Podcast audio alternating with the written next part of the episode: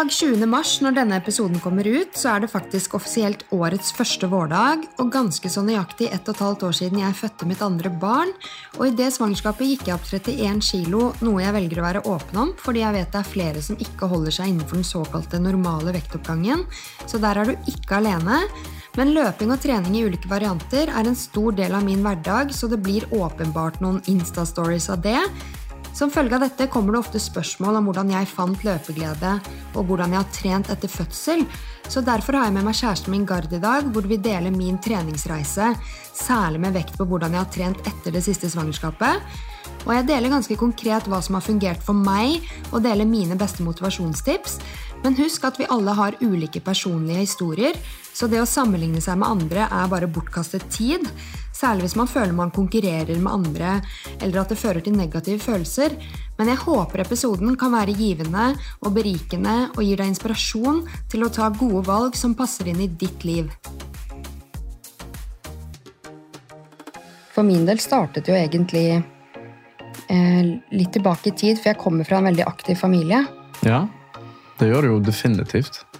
Um, noe som sikkert er en grunn til at jeg har uh, tatt med meg dette inn i voksenlivet. da. Um, ja. Nei, du, du, er jo egentlig fra en familie som både Du har en mor som var tidligere landslagsutøver i svømming, og tett opp mot OL-krav en gang i tiden. Eh, hun fortsatt holder på å trene svømming og styrer på med all mulig trening. Og så har du en far som eh, er landslagssjef i svømming. Som eh, Ja, så du, det er jo ingen tvil om at du er nok kanskje litt fra litt egne spesielle vilkår. da, At du, du kommer fra en oppvekst som kanskje er litt ekstrem, men samtidig så, så opplevde du sjøl at det stoppet litt opp for deg sjøl, sånn motivasjonsmessig. Ja, absolutt. Men jeg vil først si at jeg syns vi er ganske heldige som har veldig aktive folk rundt oss. Jeg tror det også er en faktor til at vi er så aktive som vi er. Og at det sikkert er en motivasjon å ha de menneskene rundt seg tett opp til nære relasjoner, da, som er såpass aktive som mamma, pappa, eh, søsken, kjærester til søsken. ikke sant? Så man får på en måte en sånn felles interesse som man deler hvis man er på familieturer, hytteturer ja, egentlig hvor som helst, da, når man gjør noe sammen. Mm. Men ja, motivasjonen min var jo ikke veldig Jeg fikk jo en umotivert periode i tenårene, men før det så var jeg jo et veldig, veldig aktivt barn. Jeg gikk på mange ulike idretter, holdt på med egentlig eh, både svømming, dansing, turning, ski, fotball en kort periode. Altså det var mye. Jeg var innom mye forskjellig. Um, og så flyttet vi fra Oppsal til Nordstrand da jeg var 12-13 eh, år. Jeg byttet miljø, noe som sikkert var en grunn også til at jeg ville utforske andre ting. Jeg ville være med de nye vennene mine. Og så er jo ungdomstiden en litt sånn sårbar tid for eh, både det med å løsrive seg fra eh, vante spor, men også det å utforske eh, seg selv teste grenser, eh, finne egentlig litt sin egen identitet, da. Mm. Så den motivasjonen min for trening, den var plutselig ikke sånn eh, fra et indre. Det var litt mer sånn ytre, at det, det, er lurt å gå på noe sport, og det er lurt å gjøre et eller annet. Men jeg kjente ikke den genuine interessen for å trene, egentlig, i den alderen der, da. Ja, og så følte du kanskje deg eh, ikke direkte presset, men kanskje litt sånn eh, litt tredd over hodet. da, sant? Du kommer fra en aktiv familie, som du har sagt, og, og, og da vil det kanskje være ekstra eh, Du vil nok føle ekstra mye på akkurat det. da, At her i denne familien så skal vi virkelig stå på, mens du ville da ja, være litt i opposisjon, kanskje. da. Mm, og jeg fant ikke helt ut hva er det jeg trives best med. Så det endte jo med et ganske sånn inaktiv tenåringsliv men hvor jeg også i perioder eh, trente på sats før skolen. Um, men det var på en måte i perioder hvor jeg var motivert, og så sluttet jeg lenge. Og så dro jeg på sats igjen, og så sluttet jeg. Mens eh, med tiden så ble det en rutine i livet mitt, og det skjedde vel egentlig etter videregående, når jeg sto litt mer på egne bein um, og ikke måtte sitte på en skolebenk og eh, at andre satte rammene i livet mitt, da. Men jeg satte egentlig rammene i, i, mitt eget liv. Jeg bodde fortsatt hjemme, men jeg jobbet ekstremt mye på et sykehjem. Eh, I nesten 100% stilling, selv om jeg bare tok ekstra vakter. Og istedenfor da å sitte på skolen gjennom hele dagen, så begynte jeg å utforske å dra på løpetimer på Sats og bli med på gruppetimer. Um, ja, og etter hvert så fikk jeg tilbud av en Eh, på Sats om å bli instruktør innenfor zumba og løpe, løpeinstruktør. Så jeg tok et eh, kurs som jeg fikk gratis da gjennom Sats eh, for å bli instruktør. Tok noen løpetimer. Det endte aldri med at jeg tok zumbatimer, faktisk. Men de zumbatimene var faktisk tidligere i tenårene, når jeg husker tilbake. Løpetimene var etter videregående. Men jeg tok noen løpetimer, men så hadde jeg Jeg har jo ikke sant, eh, en, eh, noe som heter Eilo, som eh, gjør at jeg har veldig trangt struperør. Jeg sliter med pusten og får nok oksygen. Noe som også har vært et litt sånn hinder merker jeg, eller sånn, hvor jeg har vært litt selvkritisk både med podkast hvor man snakker tett oppi mikrofon, men også det å skulle snakke i mikrofon når du har løpetimer. Så jeg var egentlig veldig ofte nervøs for å ha de løpetimene fordi jeg stresset over eh, eh, det å snakke samtidig som jeg blir sliten. Da. Og dette vet jo du, at jeg puster ekstremt tungt. Mm. Jeg sliter med å få nok luft, og det Ja, jeg, jeg, har jo på en måte ikke jobbet med pusteteknikker heller, noe jeg burde gjort for lengst, da.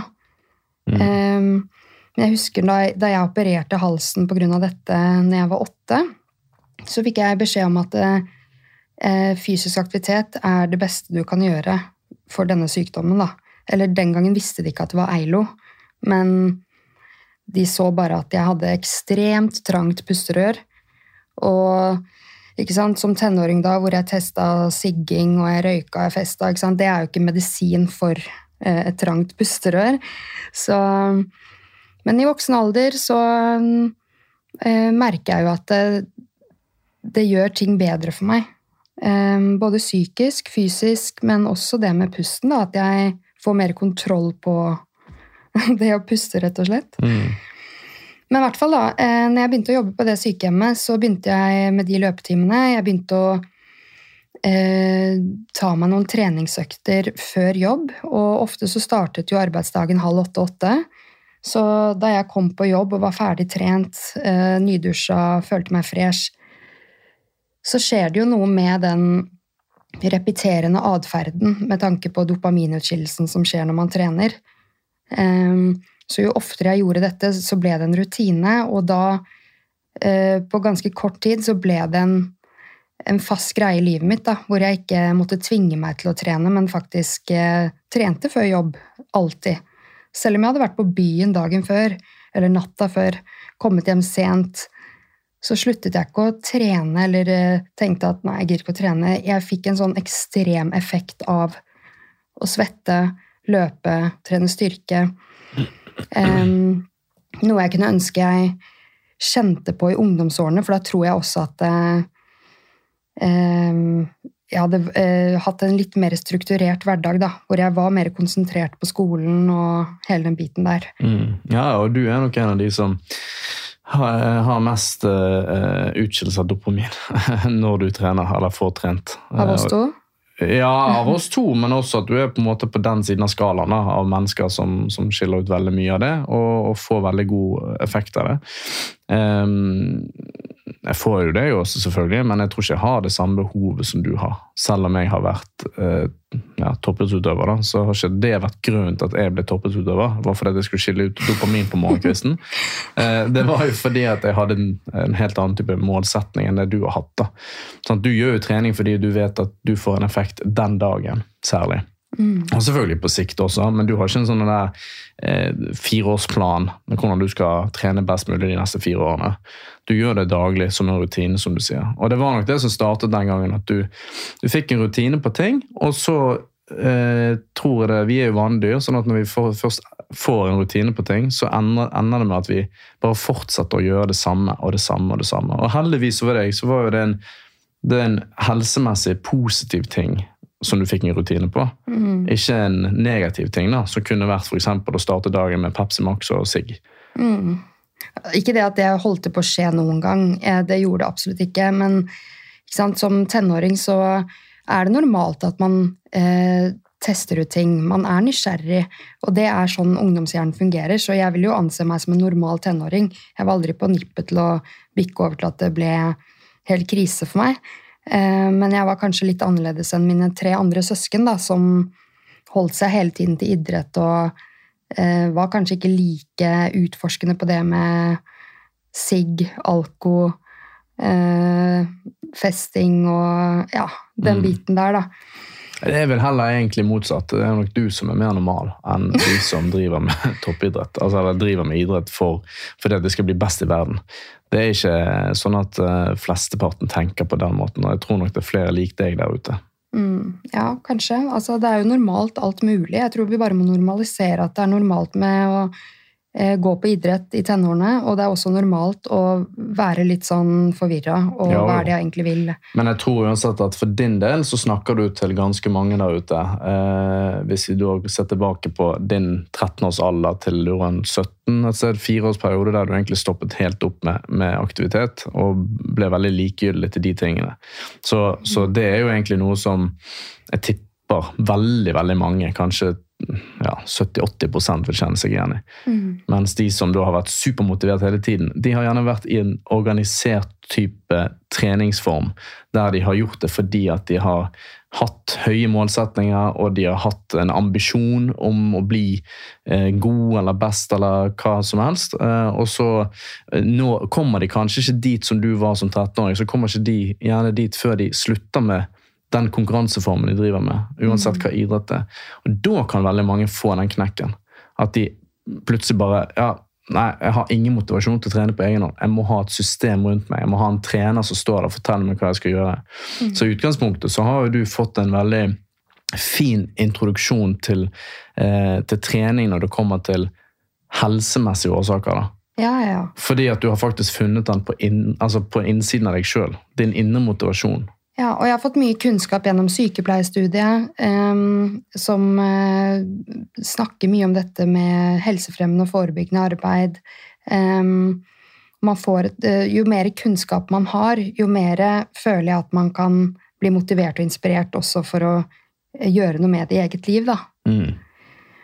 Men eh, Gard, på veien så har vi fått eh, to barn. Jeg ble jo gravid første gang da jeg var 25. Mm. Eh, Og jeg husker det første svangerskapet som eh, Det var sykt fint. Altså, vi hadde det så sjukt bra. Ehm, Det ble mye toppturer eh, rundt i Norge. Vi sov på Preikestolen, eller litt nedenfor, da, for det var ikke lov å telte på toppen. Vi gikk til Skjæragbolten. Vi var liksom rundt om på topper i hele Norge. Mm. Ehm, vi trente mye sammen på Sats. Vi løp mye ute. Jeg mener å huske at jeg løp til uke 32.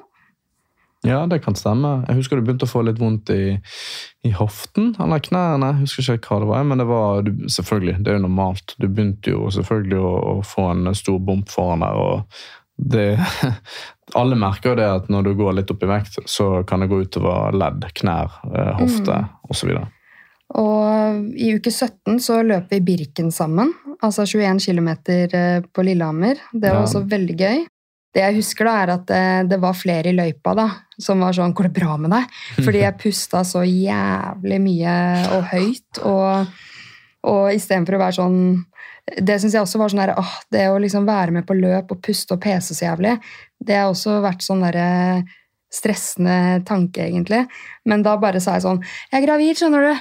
Eh, Det er derfor, istedenfor å liksom si sånn 'Ja, pusteproblemer, ja, Eilo', bla, bla, bla. Det var det uke 17-18? Ja, altså? uke 17, så Nei, da husker jeg at det var noen som stoppet opp og bare Eller de stoppet ikke opp, men de snudde seg og var sånn 'Går det bra med deg?' Mm. Så jeg husker jo det første svangerskapet som et veldig aktivt svangerskap, eh, hvor vi trente mye sammen, Mm. det var mye aktivitet. Eh, Jeg var i veldig god fysisk form, da. Mm. Ja, det var i veldig god form. Og det, eh, det, det er jo kanskje det som du fikk mest igjen for etter du var ferdig med graviditeten også. Mm, det var veldig motiverende, og jeg kom raskt tilbake til meg selv med storm. når han ble født, eh, i tiden etterpå. Og pandemien kom jo, så du var jo hjemme mye fra jobb. Hadde hjemmekontor, så vi løp jo mye til Bygdøy og Mm. rundt omkring på Fornebu og fortsatte den treningen sammen, da. Så um, ja, vi har hatt mye treningsglede sammen, og vi må jo ikke glemme at det var også en av de faktorene som gjorde at vi også kanskje ble ekstra interessert i hverandre. At vi hadde mye felles interesser. Ja. ja da, det hadde vi jo. Um, og så vil jeg, skal jeg være ærlig og si at jeg, min motivasjon for å trene er jo litt mer sånn eh, ja, det, det er vanskelig som eh, tidligere ut, utøver å, å gå, komme til punkt der du bare innser at jeg er ikke i nærheten av å være så god form som jeg en gang har vært. Og så er det denne der å gå inn i seg sjøl og, og, og tenke at vet du hva, det må jeg bare akseptere. Jeg må tåle at jeg aldri vil komme dit som jeg en gang var, treningsmessig eller formmessig. Men jeg skal i hvert fall prøve å holde meg stabil. Jeg tror veldig mange tenker at eh, de gir opp litt. Grann. For når det først har gått dårlig, så er det litt sånn den der Fuck it. Drit i det. Jeg orker ikke jeg orker ikke bruke tid på det. Det er for langt frem dit som jeg en gang hadde lyst til å komme, eller som jeg en gang var. gjerne. Um, så jeg tror nok for min del så var det litt sånn den der sant? Jeg sluttet som utøver i 2012. Var min beste form. Tenkte ikke noe over at dette her kommer ikke til å holde evig. Eh, så jeg bare vedlikeholdt sånn litt her og der, og så gikk det noen år, og så ble det sånn ah, Nå kommer alle tilbake igjen dit. Men Det ble noen treningsbilder på Insta da du ble singel i 2016 og vi begynte å date. nei, det kan ikke jeg huske noe av. Det husker jeg ikke. Altså, det der er så typisk dere å legge ut sånn derre Jeg Det er på trening. Det er Typisk mennesker, Tina. Det Det er er akkurat det samme for kvinner. Så det, sånn er det. Man blir eh, litt oppsøkende på oppmerksomhet. Så det er nå greit. Men det var nå den gang den. Um, men, men det der eh, med å få den motivasjonen som utøver, tidlig utøver, da, tilbake, det, det gikk jo egentlig mer på den der faste rutina. da. Mm. Og det var jo egentlig du som introduserte. For jeg var jo ikke vant med å ha faste rutiner for bare å eh, leve. Altså være. Men etter du fikk barn, tenker ikke du at det, det handler om å være den beste versjonen av seg selv? Jo da, og det var jo kanskje der skiftet kom litt. da. Eh, Det skal jo sies at vi trente som du sa, veldig mye sammen i eh, graviditeten første med Storm. Og så var vi egentlig ganske aktive det året med koronaen også. Løp mye. Aktiv, Jeg hadde jo fire halvmaraton i april måned 2020. Ja. Fire stykk en gang i uken, liksom. Så jeg, jeg, jeg var på gang der, og så skled det litt ut igjen når sommeren kom og kanskje ting åpnet opp igjen lett. Så det var liksom ikke helt sånn på plass med at det var en rutine på ting. Um, og så begynte man å få litt vondter her og der, sant? og hadde kanskje ikke trent langsiktig nok og hatt den kontinuiteten for at beina skulle tåle å løpe mye. da. Men nå siste året, halvannet året, så har vi um, hatt en helt annen innstilling til oss. Mm. Det har jo vært fordi vi har sett at ok, du veide jo en god del mer uh, etter Birk, selvfølgelig. Normalt, som alle gjør. Uh, jeg veide noen kilo for mye, som jeg ønsket også å kvitte meg med. Og da var det sånn, ok, men da gjør vi det her sammen. Mm, vi kan jo gå tilbake til svangerskap nummer to, da, og da er det viktig for meg å si at min vei tilbake til meg selv og faktisk komme inn i min livsform etter svangerskap nummer to, det er mine erfaringer som funket for meg. Eh, Det betyr ikke at dette er noe fasit eller eh, noe som helst, men eh, Og så er det også viktig å si at eh, jeg sultet aldri eh, på veien til meg selv, og eh, jeg gjorde det heller ikke med stress. Det var på en måte en morsom reise å jobbe mot å bli i min beste form. Og ja, det var aldri noe sulting eller trene seg i hjel-opplegg. Eh, og det er litt viktig å si, selv om på en måte eh, dette er min historie. Så ja, jeg håper bare den kan være kanskje til inspirasjon og motivasjon da, for deg som hører på, kanskje er i et svangerskap nå, eller eh, nettopp har født eller har små barn, fordi det er fullt mulig å komme til sin best, beste form noensinne etter man har fått barn. Så det, den ideen om at det går ikke, og kroppen forandrer seg for alltid, og bla, bla, bla, jeg er ikke helt enig i den. Hva tenker Nei. du? Nei, men det er jo litt sånn som du opplevde i, i første graviditeten din. Sant? Så var jo du mye mer bevisst på trening, kosthold. Eh, du, du var liksom veldig sånn på at eh, babyen inni magen skulle få på en måte det den trengte, egentlig. Du var veldig sånn på at eh, du skulle være den beste versjonen av deg sjøl, men ikke for bare deg sjøl, men også for babyen. da. Jeg var nok veldig bevisst på det med Birk òg, i svangerskap nummer to. Eh, det med kosthold, men jeg overspiste veldig mye. Og jeg var mye mer inaktiv. Jeg husker vi gikk noen skiturer i påsken og hadde noen få treningsøkter innimellom. Men jeg spiste ekstremt mye og var veldig lite aktiv. Og da går man jo opp i vekt. Så jeg gikk opp eh, 31 kilo. Eh, så jeg føler på en måte at jeg kan snakke med to hatter, hvor den ene delen av meg har vært en skikkelig motivert mamma, mens den andre har vært veldig umotivert. Eh, så jeg forstår både de som fortsetter med treningen, men også de som ikke finner motivasjon. Da. Og det er det litt sånn denne episoden skal handle om. Men til syvende og sist så har jeg vært veldig motivert til å bli meg selv igjen etter fødsel. Men hva var det som gjorde at du ble umotivert med graviditet 2? Det har jeg prøvd å finne svaret på selv, og det vet jeg ikke helt. Kanskje det hadde litt med at vi hadde et barn fra før av. Jeg jobbet jo i 100% jobb helt fram til siste uka eh, før jeg gikk ut i perm, og det gjorde jeg jo ikke med Storm. Eh, for da var jeg sykemeldt en god del måneder pga. psykiske årsaker eh, knytta til jobb. Eh, så jeg hadde mye mer tid til å trene. Eh, og så, ikke sant, når man blir tyngre og tyngre og tyngre, så gjør det sikkert noe med motivasjonen å se at ja, men jeg skal jo bare bli større de neste månedene. Mm. Eh, Det er umulig å stoppe det, på en måte. ja, det er umulig å stoppe det, så jeg tillot meg egentlig sånn Whatever, jeg spiser Nugatti med skje etter en heftig middag. Eller Mm. vi eh, spiste ekstremt mye smågodt, snacks, desserter. Um, og jeg visste hele tiden at motivasjonen til å bli meg selv igjen kommer til å være der etter fødsel. Men nå, nå gir jeg litt faen. Jeg får i meg mye sunt også.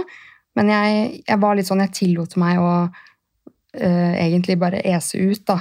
Så jeg kan takke meg selv. Jeg kunne vært mye mer aktiv em, enn det jeg var, men em, ja.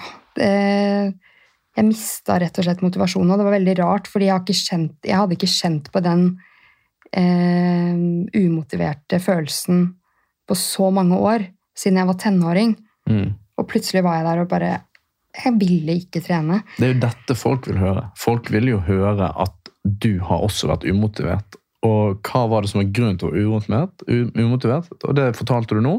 Og så må du på en måte prøve å fortelle oss hva var det som gjorde at du fikk motivasjon igjen. sant? Eh, Ikke direkte bare det der med at vi satte oss ned og lagde noen mål, men hva var det som gjorde at du da greide å komme inn igjen i rutinen? Ja, nei, jeg husker jo eh, Vi var jo på sommerferien jeg var ganske høygravid eh, rundt om i Norge med storm. Og den ene kvelden husker du vi satt på balkongen i Flom, på det hotellet der. Og Ja, Du tenker på når du var gravid med Birk, men vi hadde med oss Stormen. Ja. Ja. eh, og så gir du meg noen komplimenter eller et eller annet. Og da, Vi hadde et speil på det hotellrommet som jeg gikk forbi ikke sant? naturligvis eh, når vi var på hotellrommet. Og jeg ser meg selv at det liksom bare Det er valker nedover bh-kanten. Det er eh, cellulitter ned til tærne omtrent. Og jeg husker jeg bare Fy fader. Altså, jeg likte for første gang jeg kan huske, så likte jeg ikke mitt eget kroppsbilde. Jeg likte ikke å se meg i speilet. Jeg var bare sånn Det her eh, Nå skjønner jeg hvordan folk med dårlig selvbilde eller kroppsbilde har det, fordi, men jeg, jeg ønsket ikke å tillate meg å ha det sånn videre. Så eh, når Birk ble født, så var jeg veldig motivert til å bli meg selv igjen, og da begynte jeg jo med gåturer. Eh, Birk hatet jo å ligge i vogn, husker du det?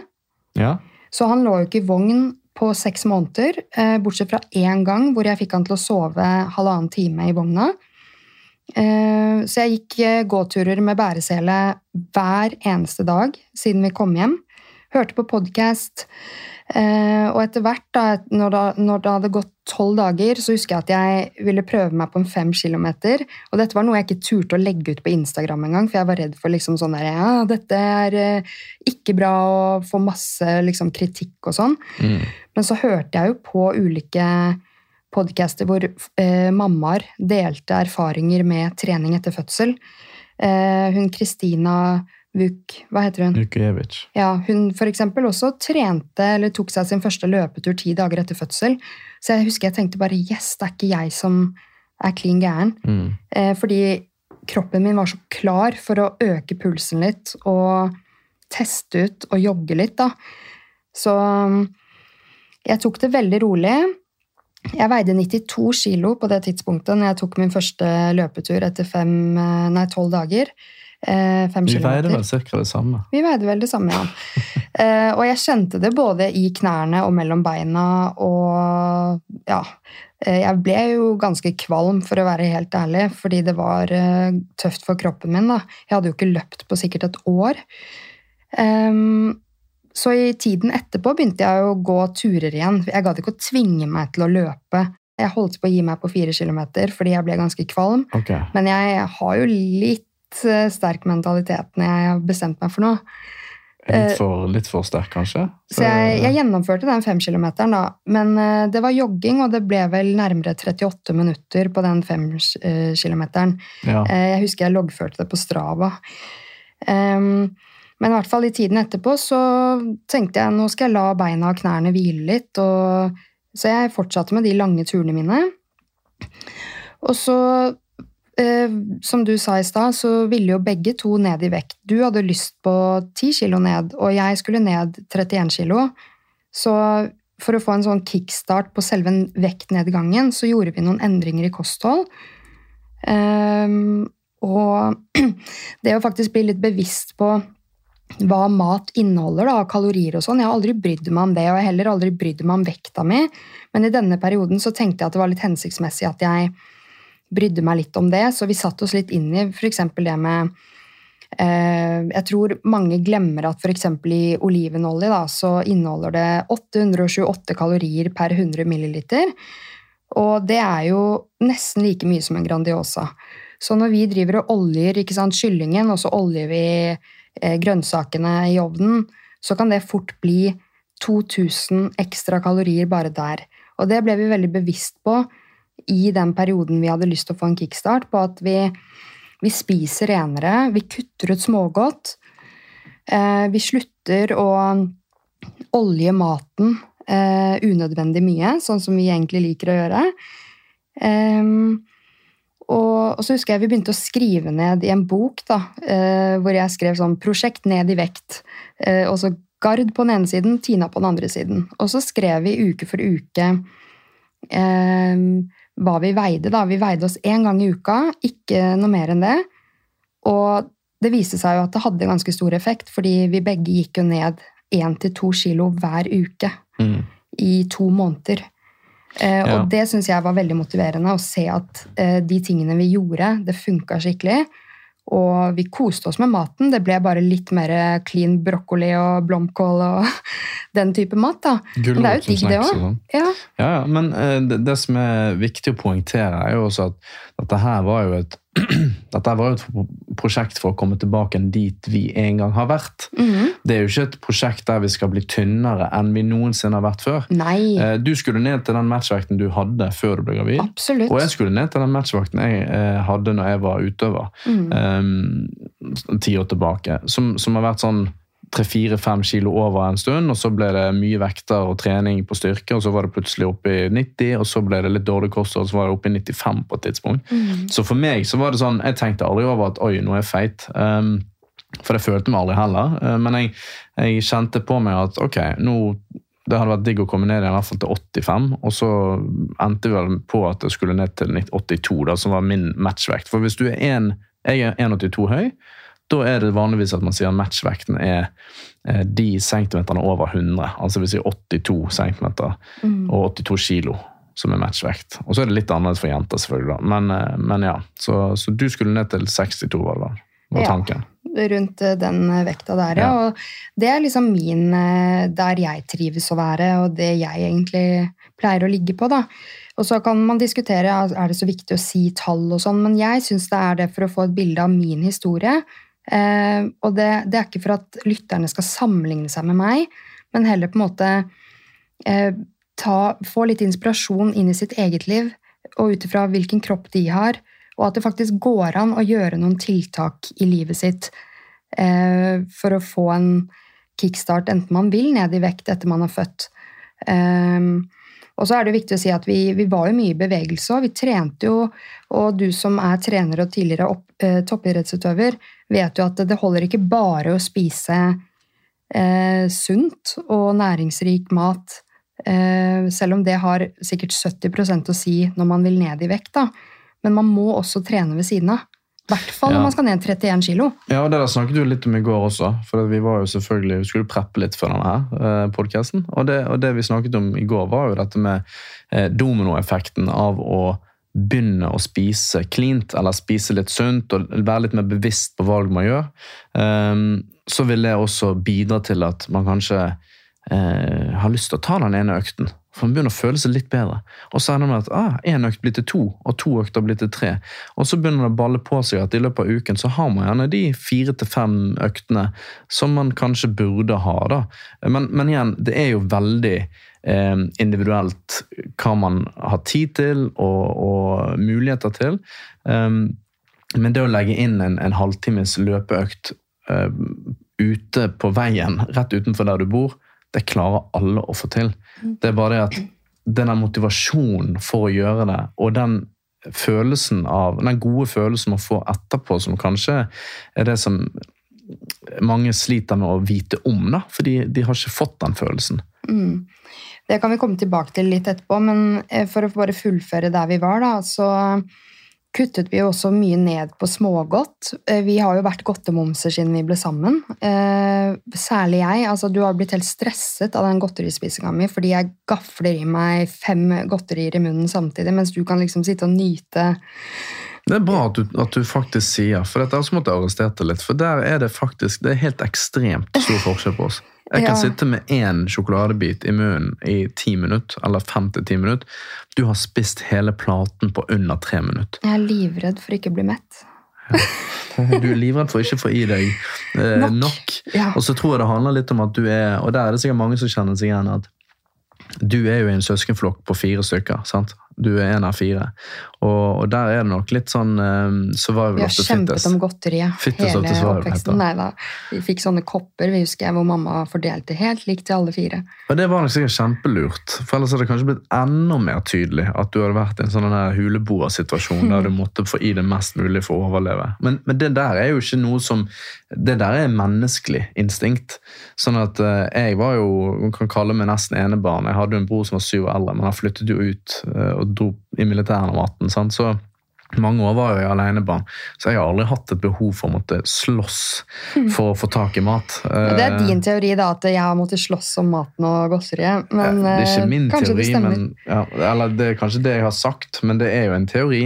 Ja. Men uansett, det, jeg synes det var veldig interessant å kjenne på det at når vi kuttet ut sukker da, i kostholdet den perioden vi skulle få en kickstart på vektnedgangen, så frista det jo ikke. Jeg har jo ikke rørt smågodt siden oktober 2021, og nå er vi i februar 2023. Eh, Jeg spiser melkesjokolade, Kvikk Lunsj og den Altså, sjokolade er jo digg, men vi holdt oss unna alt det der den perioden der. Så husker jeg på vei til eh, eh, Egypt, når vi skulle på familieferie i to uker, så var jeg så sykt sulten på den flyturen, og så hadde de ingenting, så du kjøpte en Snickers til meg, en hvit bagett. Og den Snickersen, den fikk meg til å brekke meg så sjukt. Ja, Og det. var bare tre måneder etter vi hadde kuttet ut eh, sukker. Så kroppen min fikk så dårlig reaksjon på eh, så kraftig sukkermat Mm. at jeg satt bare ja, Jeg skal ikke lage de lydene, men jeg brakk meg så sjukt på det flyet. Ja. Eh, men ja, det med mm, å kutte på godteri altså Det er veldig fascinerende at jeg, det har ikke frista i det hele tatt med smågodt. Nei, og, og mange vet jo sikkert dette her, men de som ikke vet det, det er veldig fascinerende å vite at sukker um, er mer avhengighetsskapende enn en heroin.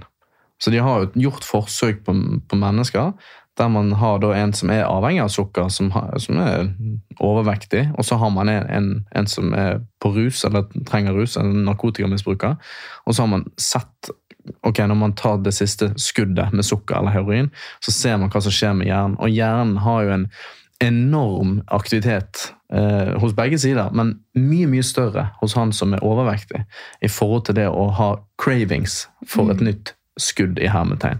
Så, så sukker er ekstremt av- avhengighetsskapende, men effekten avtar etter én til to uker. Mm, Og når, de, når den effekten har, har slått seg til ro, um, eller det har begynt å slå seg til ro, så, så er det egentlig kun ditt eget hode som forteller at du har lyst på noe godteri nå. For mm. det er en følelse du kjenner igjen, men kroppen trenger det egentlig ikke. Mm. Nei. Men i hvert fall etter dette med kosthold og sånn ehm, Andre ting som også fikk meg til å få inn treningen i eh, å komme tilbake til meg selv, det var det at jeg begynte å utfordre mentale begrensninger jeg hadde for meg selv, som f.eks. det å ikke trene på ettermiddagen eller kvelden. Jeg er jo veldig glad i å trene på morgenen, eh, så jeg har hatt litt sånn tvangsanker om at hvis klokken er mer enn to, så klarer jeg ikke å trene. Eh, eller eh, hvis jeg har spist noe usunt, da er det ikke vits å trene. Eller hvis jeg har tatt meg en snus, så er det ikke vits å trene. Men alle disse mentale begrensningene jeg har satt for meg selv, de prøvde jeg å utfordre litt. Eh, og når man utfordrer sine egne sannheter, så innser man at det sitter jo bare i hodet. Eh, og det er mulig å gjøre noe med det. Så, og det skaper en sånn mestrings, mestringsfølelse at du gjør nye ting da, som du ikke er vant til å gjøre. F.eks. ta seg en løpetur klokka sju på kvelden. Det gir jo ikke noe annet enn en mestringsfølelse. Og det eh, Når man får barn, så må man også være litt fleksibel på at det er ikke alltid man får trent på morgenen. Eh, og det er ikke alltid man får trent på kvelden, men kanskje det funker bedre på morgenen for noen, og så bedre på kvelden. Man må bare se på mulighetene man har, da. Mm. Eh, og så meldte jeg jo Birk inn i SATS, sånn at eh, han var jo Så han fikk også lov til å trene litt? Ja. Ja, måtte. Begynne tidlig, han òg. Jeg løy litt om alderen. da. Det, er- det er jo seks uker de må være for å kunne Ja, men nå er det viktig å presisere at det er minisats det er snakk om. og Han skal ikke inn på treningsstudioet. Nei. Nei. Minisats, der eh, er det seks uker man kan melde inn etter seks uker man kan melde inn barnet sitt. Jeg var vel i uke fem og bare ja, han er seks uker. Men jeg var veldig motivert for å bare åh, nå må jeg komme meg inn her. Så Birk var jo med meg på minisats eh, mens jeg trente inne på sats. Eh, Det er også en mulighet å bare gjøre det mulig for seg selv å få til å trene. 50 kroner er det vel ekstra i måneden. Nei, det er 50 kroner for meg som har vennemedlemskap. Å, er det sånn? ja? 100, da? Eh, 100 for de som ikke har det. Ja, men uansett ganske billig. Det er en slags barnevakt én time om dagen hvis du går og trener eh, Ja. hver dag i måneden. Så la oss si at det er 30 timer da, for 100 kroner. Mm. Ganske bra deal, Mm. vil jeg si. Og så hadde jeg jo ofte på meg treningstøy om morgenen, eh, sånn at det var lett å løpe ut etter jeg hadde levert Storm i barnehagen. Eller eh, hvis du hadde levert Storm, så hadde jeg likevel på meg treningstøy som gjorde at det ble mye lettere å få, få seg ut på den turen, da. Eller dra innom Sats. Mm. Um, så det er et tips da, å faktisk bare gå i noe treningstøy egentlig når du er i mammapermisjon, for det gjør at du slipper å eh, måtte skifte og først levere ett barn, og så hjem, og så sette seg litt i sofaen. Ehm, ja, da gjør det enkelt for deg selv. Gå direkte ut fra barnehagen når du har levert førstemann, hvis du har to barn, da. Eh, og hvis du har ett barn, så gjelder det å bare ta på seg treningstøy når du våkner. Eh, ja. Mm. Ja, for det, det er jo litt den der eh, sette seg ned i sofaen igjen. Eh, med ja en ny kopp kaffe. Og så plutselig blir man litt sulten, og så ok, jeg spiser en second breakfast her, og så ah, må bare, Nå er jeg jo mett, så nå må jeg vente litt. Mm. Og så ender det plutselig med at klokken er tolv, og så blir det sånn ah, Nå ble jeg litt trøtt. Fikk knekken, jeg nå. Mm. så, så drar det seg utover, og så ender det med at bare, ah, jeg gikk i treningsøy den dagen, men fikk jo faktisk ikke trent. Mm. Og det er jo superbra for barnet også å være med på løpetur i vogna eller ligge, eh, sove i bæresele, få med seg lydene rundt, frisk luft. Det er jo bare helsegevinster ved å gjøre det. Mm. Men når det kom til løpingen, da, så begynte jeg å teste nye veier også, ikke alltid løpe i samme område, for jeg har jo løpt mye rundt på Fornebu. Men jeg begynte liksom å løpe eh, opp mot Ullern, inn til sentrum, til Bygdøy, som jeg ikke hadde gjort på mange år. Liksom utforske nye veier, og ikke bare være på samme område hver gang jeg skulle trene. Så det å liksom eh, utforske nye nabolag, eller eh, løpe inn til sentrum mens eh, Oslo fortsatt sover. Da. Altså, da snakker jeg tidlig om morgenen. Det er noe unikt med å oppleve soloppgangen på Aker Brygge når det er tomt der. Ja, Særlig på søndager, for da er det faktisk helt tomt der. Ja, men det er egentlig tomt der eh, Ja, i hvert fall i helger, ja. Mm. Um, enten det er vinter eller sommer, fordi man er så vant til å se steder, sånne store steder med mange mennesker. Men den følelsen av å oppleve den soloppgangen aleine når det er tomt på de stedene du er vant til å se med, stappa med folk, det Mm. er en spesiell følelse. Mm. Og kan være litt sånn motiverende i seg selv, da. Og så syns jeg det var gøy å begynne å bruke Strava eh, og loggføre løpeøktene mine. Eh, det ble jeg i hvert fall veldig motivert av.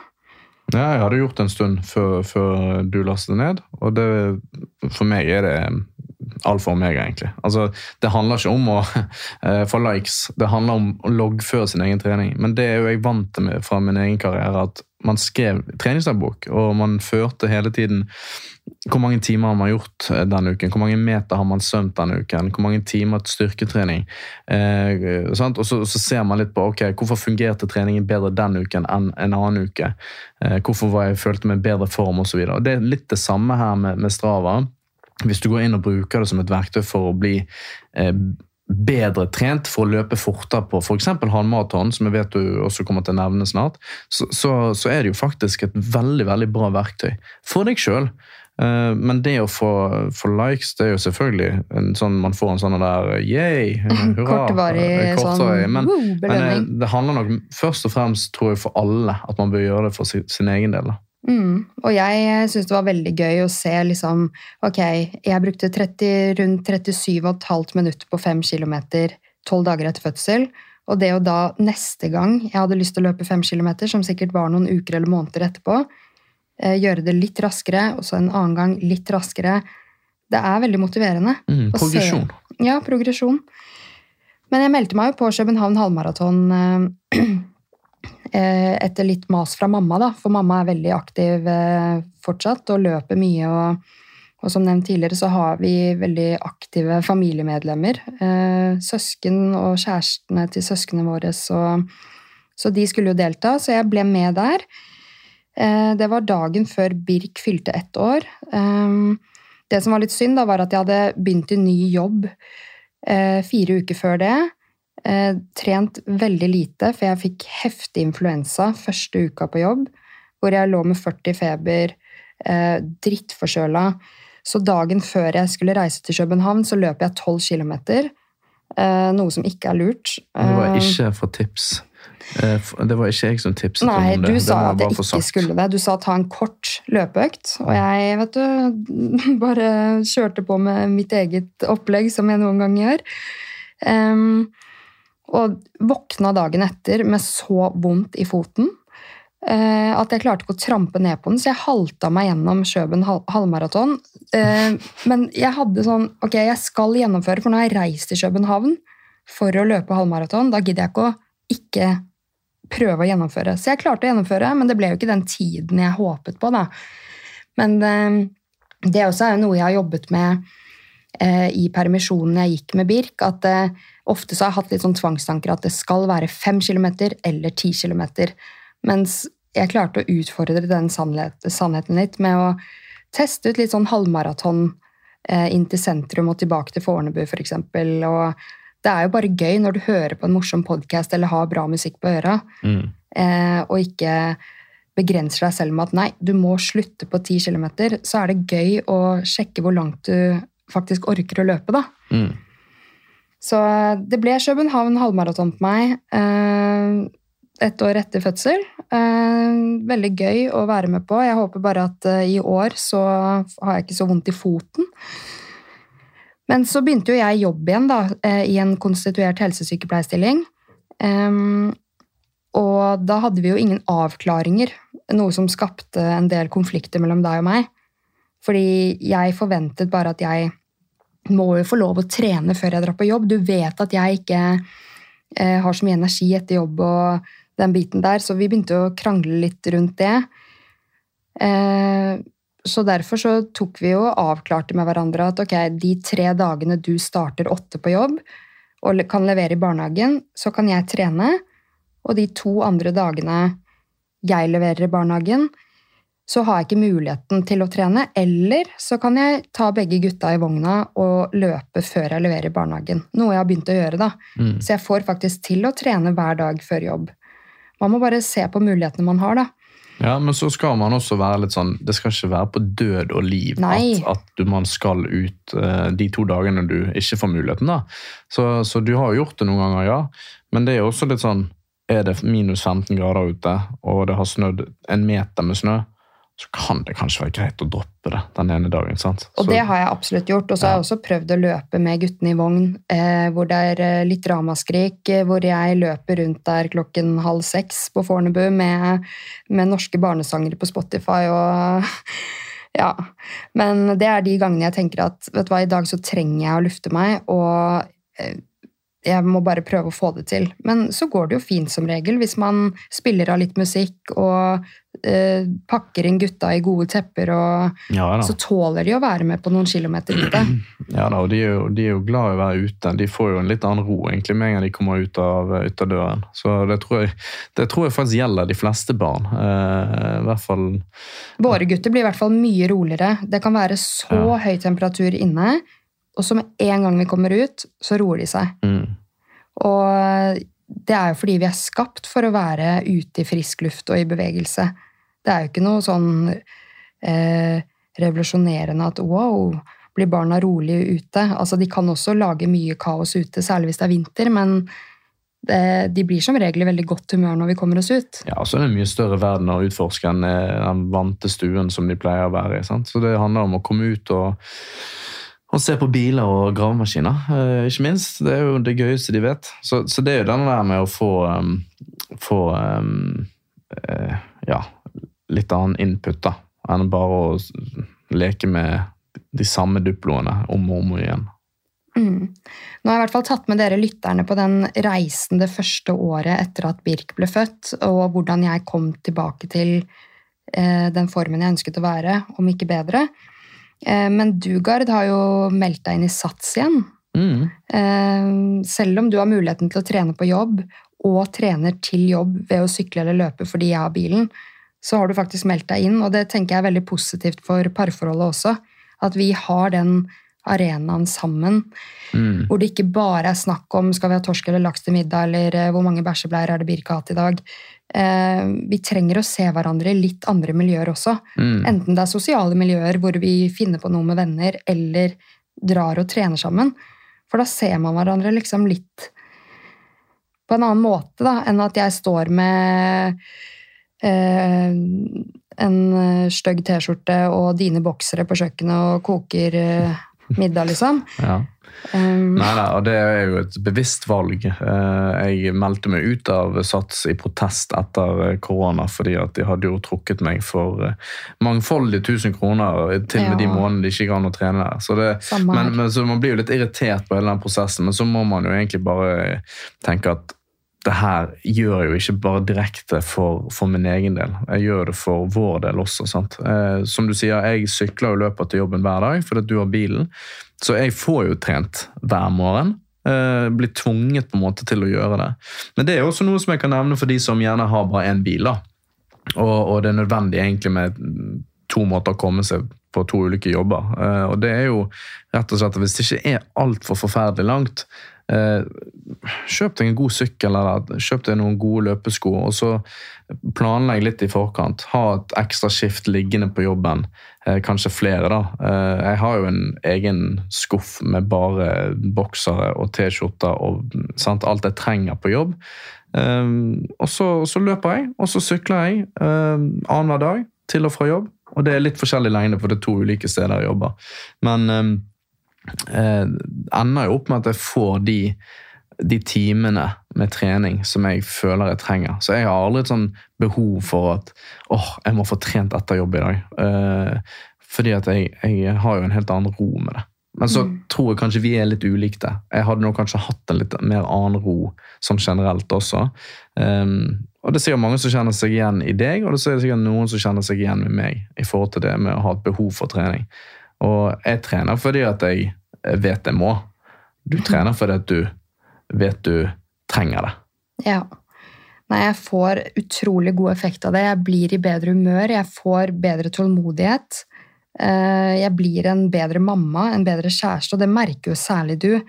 At de gangene jeg ikke har fått trent Ja, Så er du en forferdelig kjæreste. Ja, men, nei, men jeg blir jo sintere. Jeg blir mer Jeg har kortere lunte. Jeg blir mer misfornøyd. Um, så det å unne hverandre og få til de øktene, enten det er en halvtime eller time, uansett hvor kaos det er på hjemmebane, så syns jeg man skal være litt rause med hverandre. Fordi jeg tenker at um, det bare tilfører noe godt inn i familielivet og parrelasjonene. Mm. Ja, og så har jo alle ulike behov for akkurat det der eh, pause fra noe. Jeg må jo komme til jobb, som jeg sa, ved å trene. Mm. Så, så, jeg får jo de der. Men jeg trenger jo andre ting. Jeg trenger jo å sitte meg ned og sone ut og se en film eller game eller gjøre noe helt annet der, som, som, du er raus på. da. Så, så, der tror vi må bare Jeg tror alle har mye å gå på når det kommer til å ha en litt sånn stabil atmosfære hjemme. Der vi tillater hverandre. Vet du hva? Jeg syns du skal faktisk gå ned og game i dag, sier du til meg av og til. Og det er mm. ingenting som gir meg bedre glede enn akkurat det. Ikke sant? Mm. Men jeg tenkte å komme med noen eh, motivasjonstips da, til dere nybakte mødre. Eh, for eh, noe jeg har tenkt mye på, det er dette med skjermbruk. Og hvis alle hadde sjekka skjermtiden sin, så er jeg sikker på at det hadde vært tre, fire, fem, seks, syv timer i løpet av dagen. Mer eller mindre. Og hvis målet ditt er å trene mer, så tenker jeg sånn, ok, tenk på Erling Braut Haaland, da, som har sine mål. Og jeg tviler på at han sjekker Snaps og Insta mens han trener. Og der føler ikke jeg at det er en forskjell på det å være idrettsutøver eller en ikke-idrettsutøver. Eh, når det kommer til målsetning, hvis du skjønner hva jeg mener. Et mål er et mål. Ja, men du mener kanskje det å være til stede, da? Ja, eller eh, Alle mennesker har jo noen mål. Eh, eller veldig mange har mål. Eh, det skal jo ikke være noe forskjell på om du er idrettsutøver eller en ikke-idrettsutøver når det kommer til å nå det målet sitt? Nei, hvis det er en veldig sånn høy indre drive for å nå et visst mål, så er det jo eh, like stor på en måte kraft da, som, som, driver det. Ja, og det er det jeg mener. da, At eh, bytte ut skjermtiden eh, med litt bevegelse. Eh, det er ganske enkelt, egentlig. For hvis du ser at eh, i dag har jeg sittet og scrolla i tre timer, så kunne du fint bytta ut det med bevegelse. Ja, ja, selvfølgelig. Men det er, jo, det er, jo, litt sånn opp til hver enkelt. da. Og om man har lyst til å bytte ut de tre timene med scrolling med tre timer bevegelse, det er jo ikke sikkert alle har lyst til. Så det er jo litt annet der å, å, å, å kanskje ta én time med bevegelse, da. Så vil du kanskje forstå det at den scrollingen er, gir deg egentlig veldig lite. Ja, og så hadde jeg jo en gjest, da, hun første gjesten jeg hadde nå i ny sesong, Margrethe Rønning. Eh, vi snakket jo om dette med å skille mellom å være fysisk og mentalt sliten. Eh, for man er jo ofte mentalt sliten etter en lang dag i mammaperm, f.eks. Eh, og man er kanskje frustrert etter å ha sovet dårlig. Eh, kanskje det har vært skriking, mye hyling.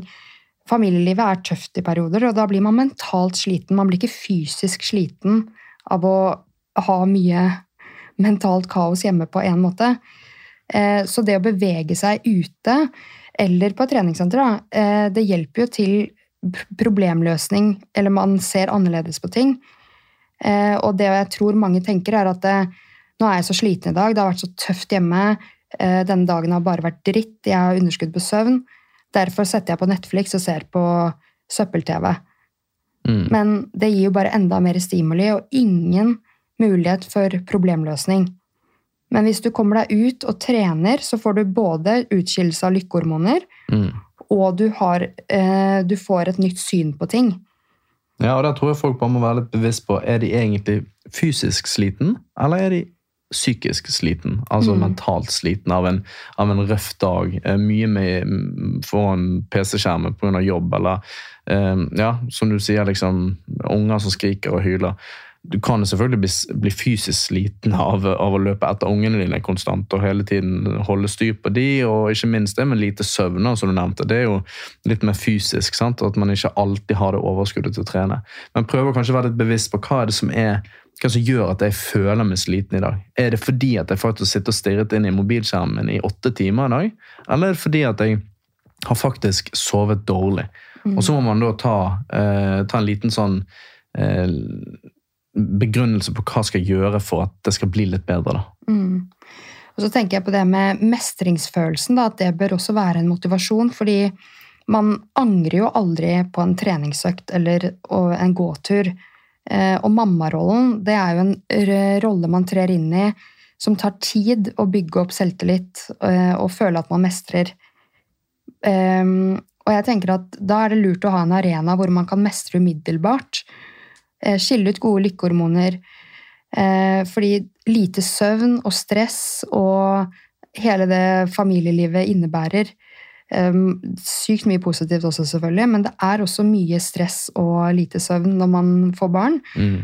Og det skiller ikke ut lykkehormoner Å sove lite og den biten der. Så det å faktisk ha en arena hvor du kjenner på den mestringen som gir deg litt selvtillit som mamma, eh, det tror jeg er lurt å ha parallelt med det å bygge opp selvtillit som førstegangsmamma, da.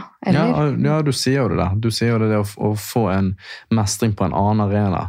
Det vil da igjen gjøre at du eh, mestrer andre ting bedre. Mm. Den andre arenaen din, som mm. det å mm. være mamma eller pappa, eller, eller, en, eh, eh, eller være flink på jobben sin. Det å være flink på flere ting samtidig, eller i hvert fall prøve på det, det vil ha en dominoeffekt der igjen. At, mm. at du, du, ønsker å eh, være den beste versjonen av deg sjøl. Og så er det litt sånn at Jeg er litt sånn lei av å kanskje høre det ordet, så er det er litt eh, irriterende at jeg brukte det nå, men det er den beste versjonen av seg sjøl. Hva er det? hva er det egentlig? Det handler vel egentlig mest om å prøve å bare være tilfreds. Nettopp, og det er jo hele poenget med denne episoden. Eh, og da er det viktig for meg å si at når du slutter å sammenligne deg med andre, og heller sammenligner deg med deg selv, og visualiserer hvordan du ønsker å ha det i ditt liv, hvordan du ønsker å føle deg eh, Tryggheten du ønsker å føle når du er på stranda eller eh, når du gjør noe sosialt med venner den tror jeg er veldig viktig. Mm. Og det mener jeg med å være den beste versjonen av seg selv. Prøv å visualisere hvordan du ønsker rett og slett å ha det med deg selv i ditt eget liv. Mm. Um, og da tror jeg alle får en idé om hva er den beste versjonen av seg selv. Og da tror jeg fysisk aktivitet og løping eller trening eller gåtur i skogen altså det bidrar til det. da. Mm. Og så tror jeg det er lurt å bytte miljø noen ganger, og ikke bare bevege seg på samme steder. Det snakket jeg litt om i stad. Men det å bytte på å være innendørs og utendørs eh, Og hvis man er medlem i SATS, at man kan eh, bytte på ulike SATS-studioer rundt der man bor, f.eks. Bytte på å være i skogen og løpe inn til sentrum.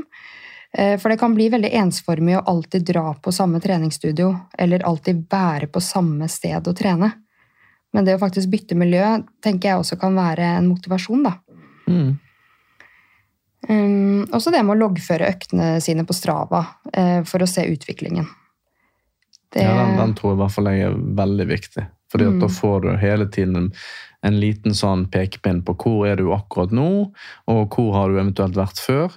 Og så kan det være med på å motivere deg eh, til å gjøre de grepene for å i hvert fall holde det stabil, da, i det minste. Mm. Eh, at du fortsetter å ja, skille ut disse lykkehormonene som du snakker om. Mm. Og så tror jeg det er lurt å tilegne seg kunnskap om hvilke helsegevinster man oppnår ved å trene. Fordi jeg tror at kunnskap har mye makt. Eh, og jo mer vi vet, jo lettere er det å endre vaner. Eh, og kanskje få den inspirasjonen eller motivasjonen til å få det inn i eget liv. da. Eh, så det å lese eller høre på podkast om hvilke helsegevinster det har, det tror jeg også er et, eh, en god motivasjon. Da. Ja, og så kan du nevne det at for de som um, sliter med den første løpeturen, eller merker, kjenner på seg sjøl at 'jeg hater å løpe', det er det verste jeg vet. Eller 'jeg hater å trene', det er det verste jeg vet. Uh, det er som ofte sånn med ting som man er ukjent for, at man tror man ikke liker det. Hoppe fra timeteren det er ingen som liker å hoppe fra timeteren når de aldri har gjort det før. For det er ingen som kan tenke seg at det er noe særlig gøy. Men det handler om å, å, å prøve, i det minste. Og, og, så kanskje du får litt mersmak. Mm. Og ikke gi opp før du i hvert fall har prøvd det noen ganger. For det handler litt om det å trene. Det handler ikke om å bare ta på seg noen fine nye løpesko eh, og, og, og, ta den ene turen og så kjenne på at nei, dette var ikke noe for meg. Du må gjøre det over litt tid. Du må ha litt kontinuitet på det. Ta på en kul podkast eller en, en, en, en, god sang eller flere sanger, og så løper du en kort tur først. Prøve i hvert fall. Gå og jogge litt sånn. Og så kommer du garantert til å få litt mersmak på det når du kjenner at oi, i dag klarte jeg lett å løpe en kilometer lenger enn i går. Mm. Eller forrige uke. Og så bare tar du denne der gradvise steg for steg eh, som gjør at du kommer til å ha progresjon. Og det er ingen som blir god i noe som helst ved å ta syvmilssteg og tro at det, man kan ta snarveier for å komme seg eh, til det stedet man vil. Du må ta små steg i riktig retning før du kommer frem til målet. Mm, godt sagt. Da passer det egentlig fint å gå over på spørsmålet jeg fikk inn i sommer på Instagram, faktisk. Eh, for jeg la ut eh, en story om at folk kunne stille spørsmål som vi kunne svare på. Men eh, nå spiller vi inn episoden ganske sent, da. Men uansett. Det ene spørsmålet er jo nettopp det at hater å løpe, hvordan starte? Og da tenker jeg ok, kom deg ut, men ikke ha en plan for hvor langt du skal løpe, for det kan ødelegge veldig. Og som du sier, syvmilssteg, hvis du har en plan, du har ikke løpt før, du hater å løpe, tror du Ikke sett en plan 'i dag skal jeg løpe fem kilometer'. Prøv deg fram, og så tenker jeg gi deg når du kjenner at det virkelig holder. Og så noen ganger så må man bare presse seg for å komme i gang. Så skilles det ut dopamin som gir belønning i hjernen, som igjen bidrar til repeterende oppførsel, altså på sikt, da. Hva tenker du? Jo, det var vel egentlig det jeg var inne på litt. Så, ja. så det er jo den der um, Få en rutine på ting. sant? Og det, det, kan ta to uker, det. Tre uker, fire uker. Eh, mm. Uh, alt etter sånn. Men ja, man må stå i det litt før det faktisk uh, blir en endring. da. Ja, helt enig. Så har vi fått et spørsmål om um, beste tips mot dørstokkmila. Da tenker jeg ha treningstøy tilgjengelig, uh, eller ha det alltid på deg. Eh, og så visualiser hvordan du ønsker å føle deg på slutten av dagen når du skal legge deg. Det gjør ofte jeg. Jeg vet hvilken effekt trening har på meg, så jeg vet at eh, denne følelsen vil jeg ha på slutten av dagen, når dagen er over. Eh, og alt føles jo bedre etter litt bevegelse. Maten smaker bedre, senga føles bedre, og humøret føles bedre.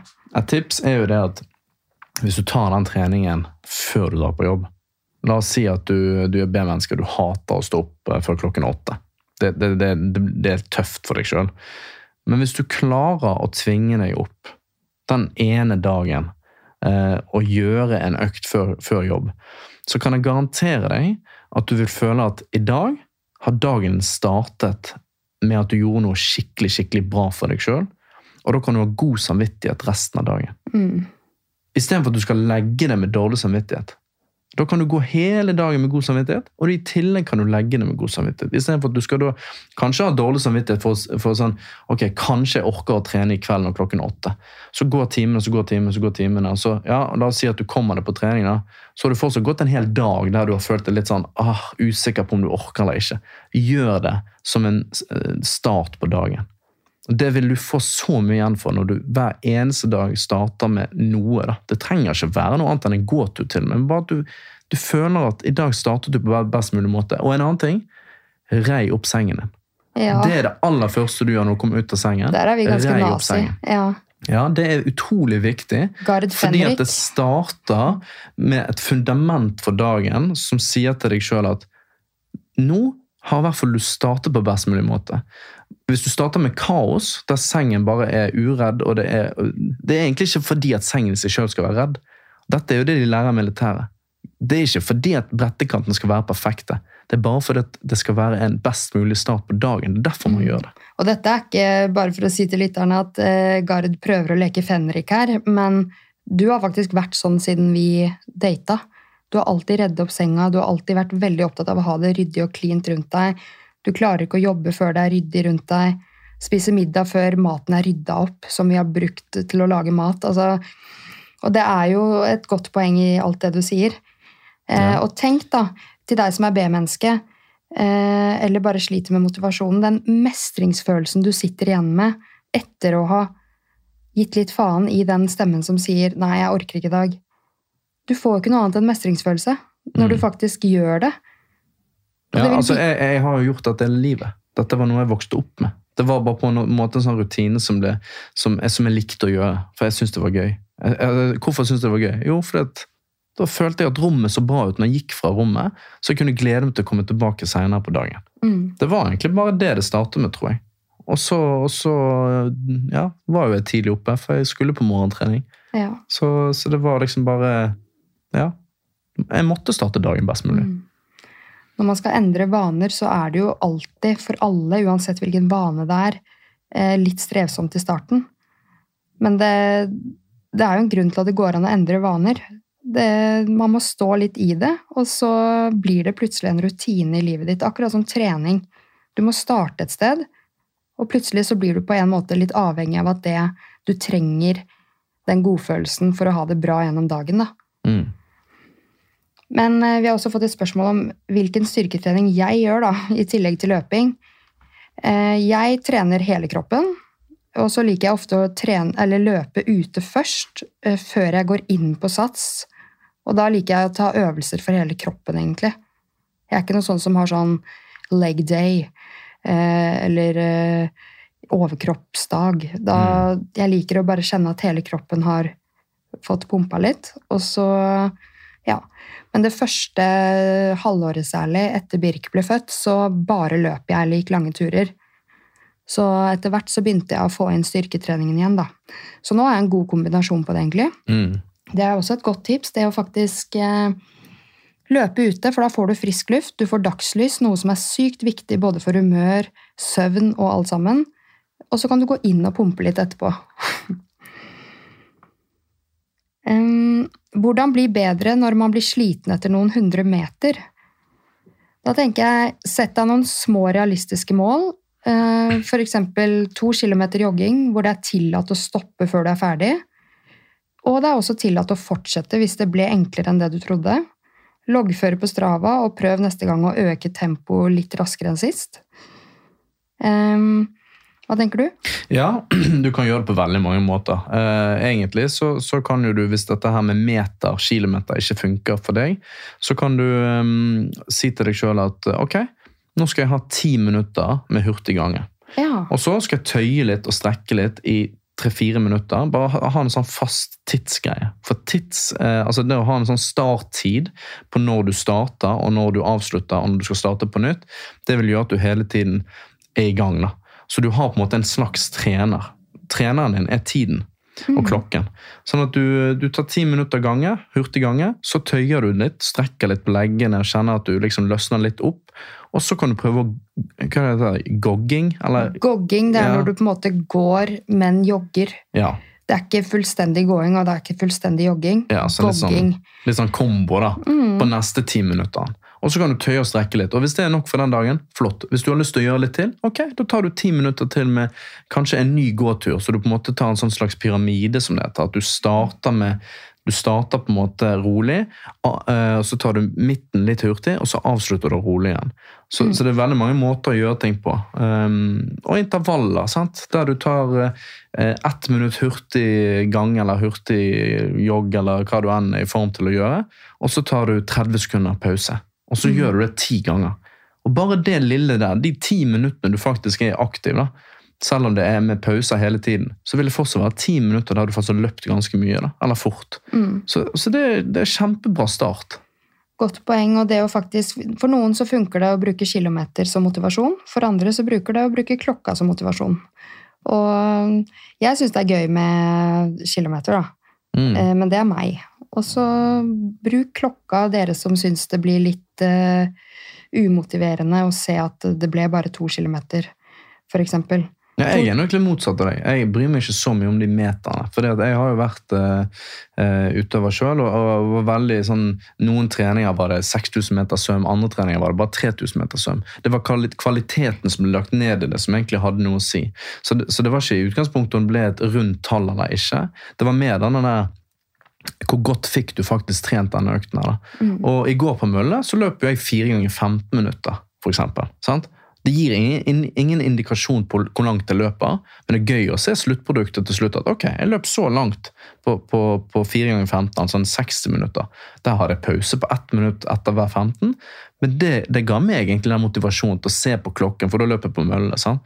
Du kunne se hele tiden. Ok, nå er det tre minutter igjen. Det, det klarer jeg. Jeg klarer tre minutter igjen. Og så pause. Og så drikker du vann, tørker litt svette.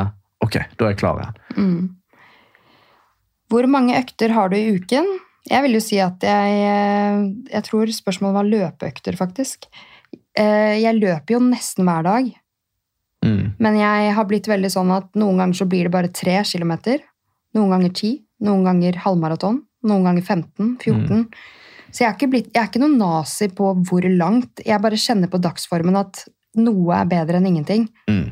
Men jeg prøver å få løpt og få opp pulsen litt hver eneste dag. Og så er det jo, jeg tillater meg jo også fri, fridager.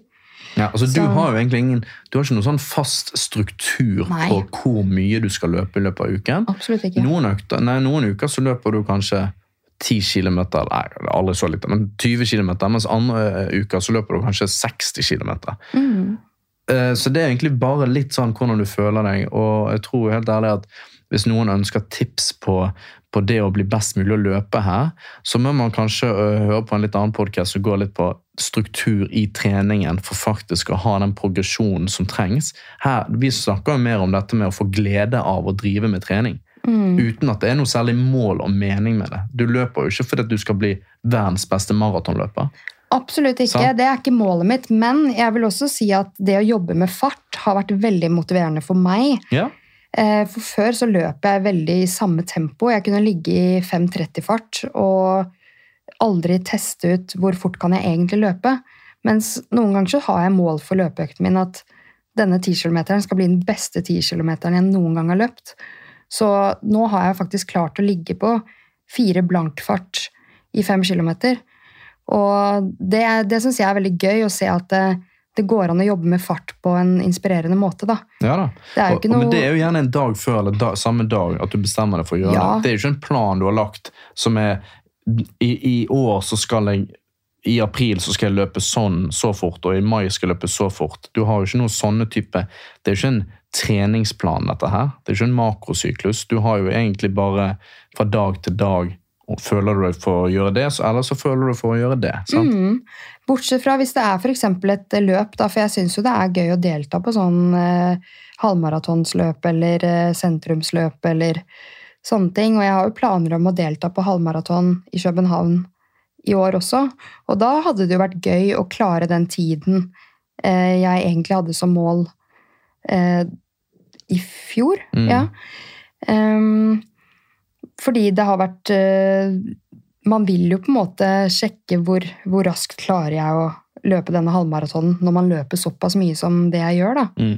Jo, jo. Men i, sånn i hverdagen så har jeg ikke noe mål med eh, før dagen kommer sånn Å, i dag kjennes det godt ut. Jeg, jeg løper så fort jeg kan i fem kilometer, eller så fort jeg klarer denne ti kilometeren. Ja, Men det tror kanskje mange lyttere tenker, eller generelt folk der ute tenker at hvis de skal drive med trening, så må de ha en treningsplan.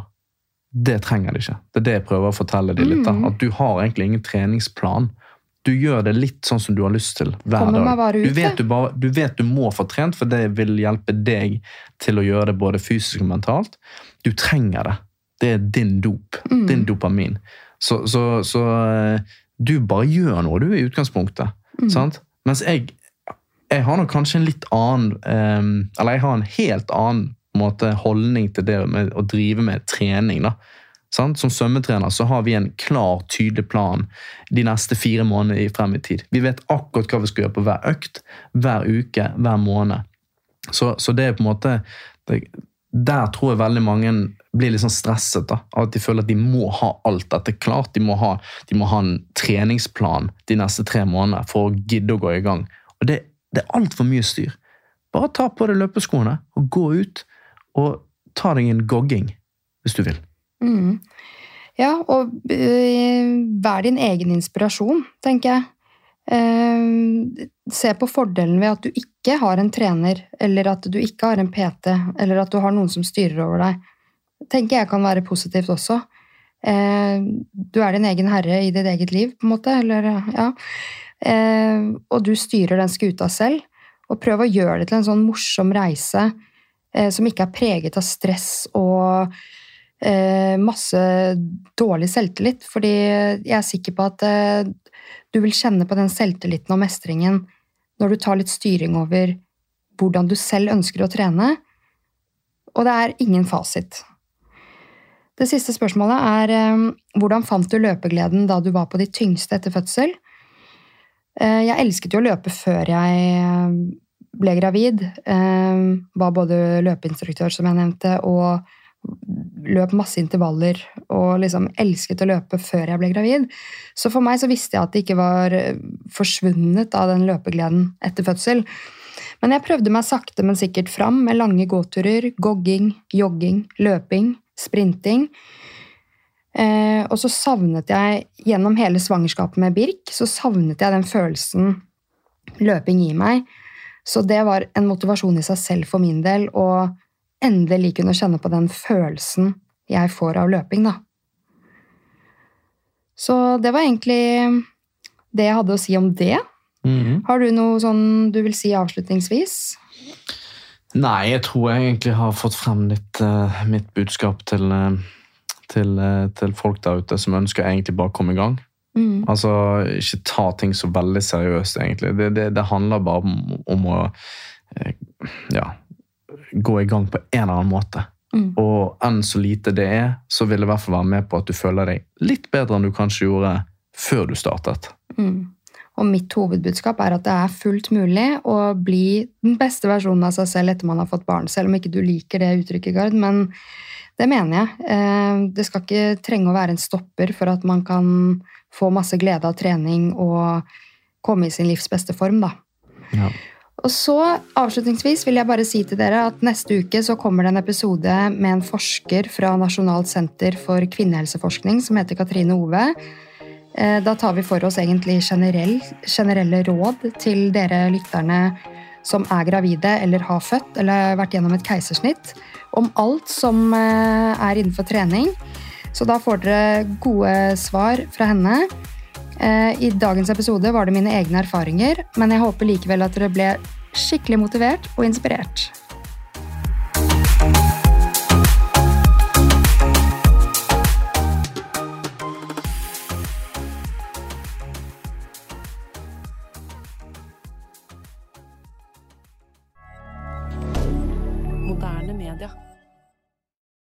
Har du et enkeltpersonforetak eller en liten bedrift? Da er du sikkert lei av å høre meg snakke om hvor enkelt det er med kvitteringer og bilag i fiken, så vi eh, gir oss her, vi. Fordi vi liker enkelt. Fiken superenkelt regnskap.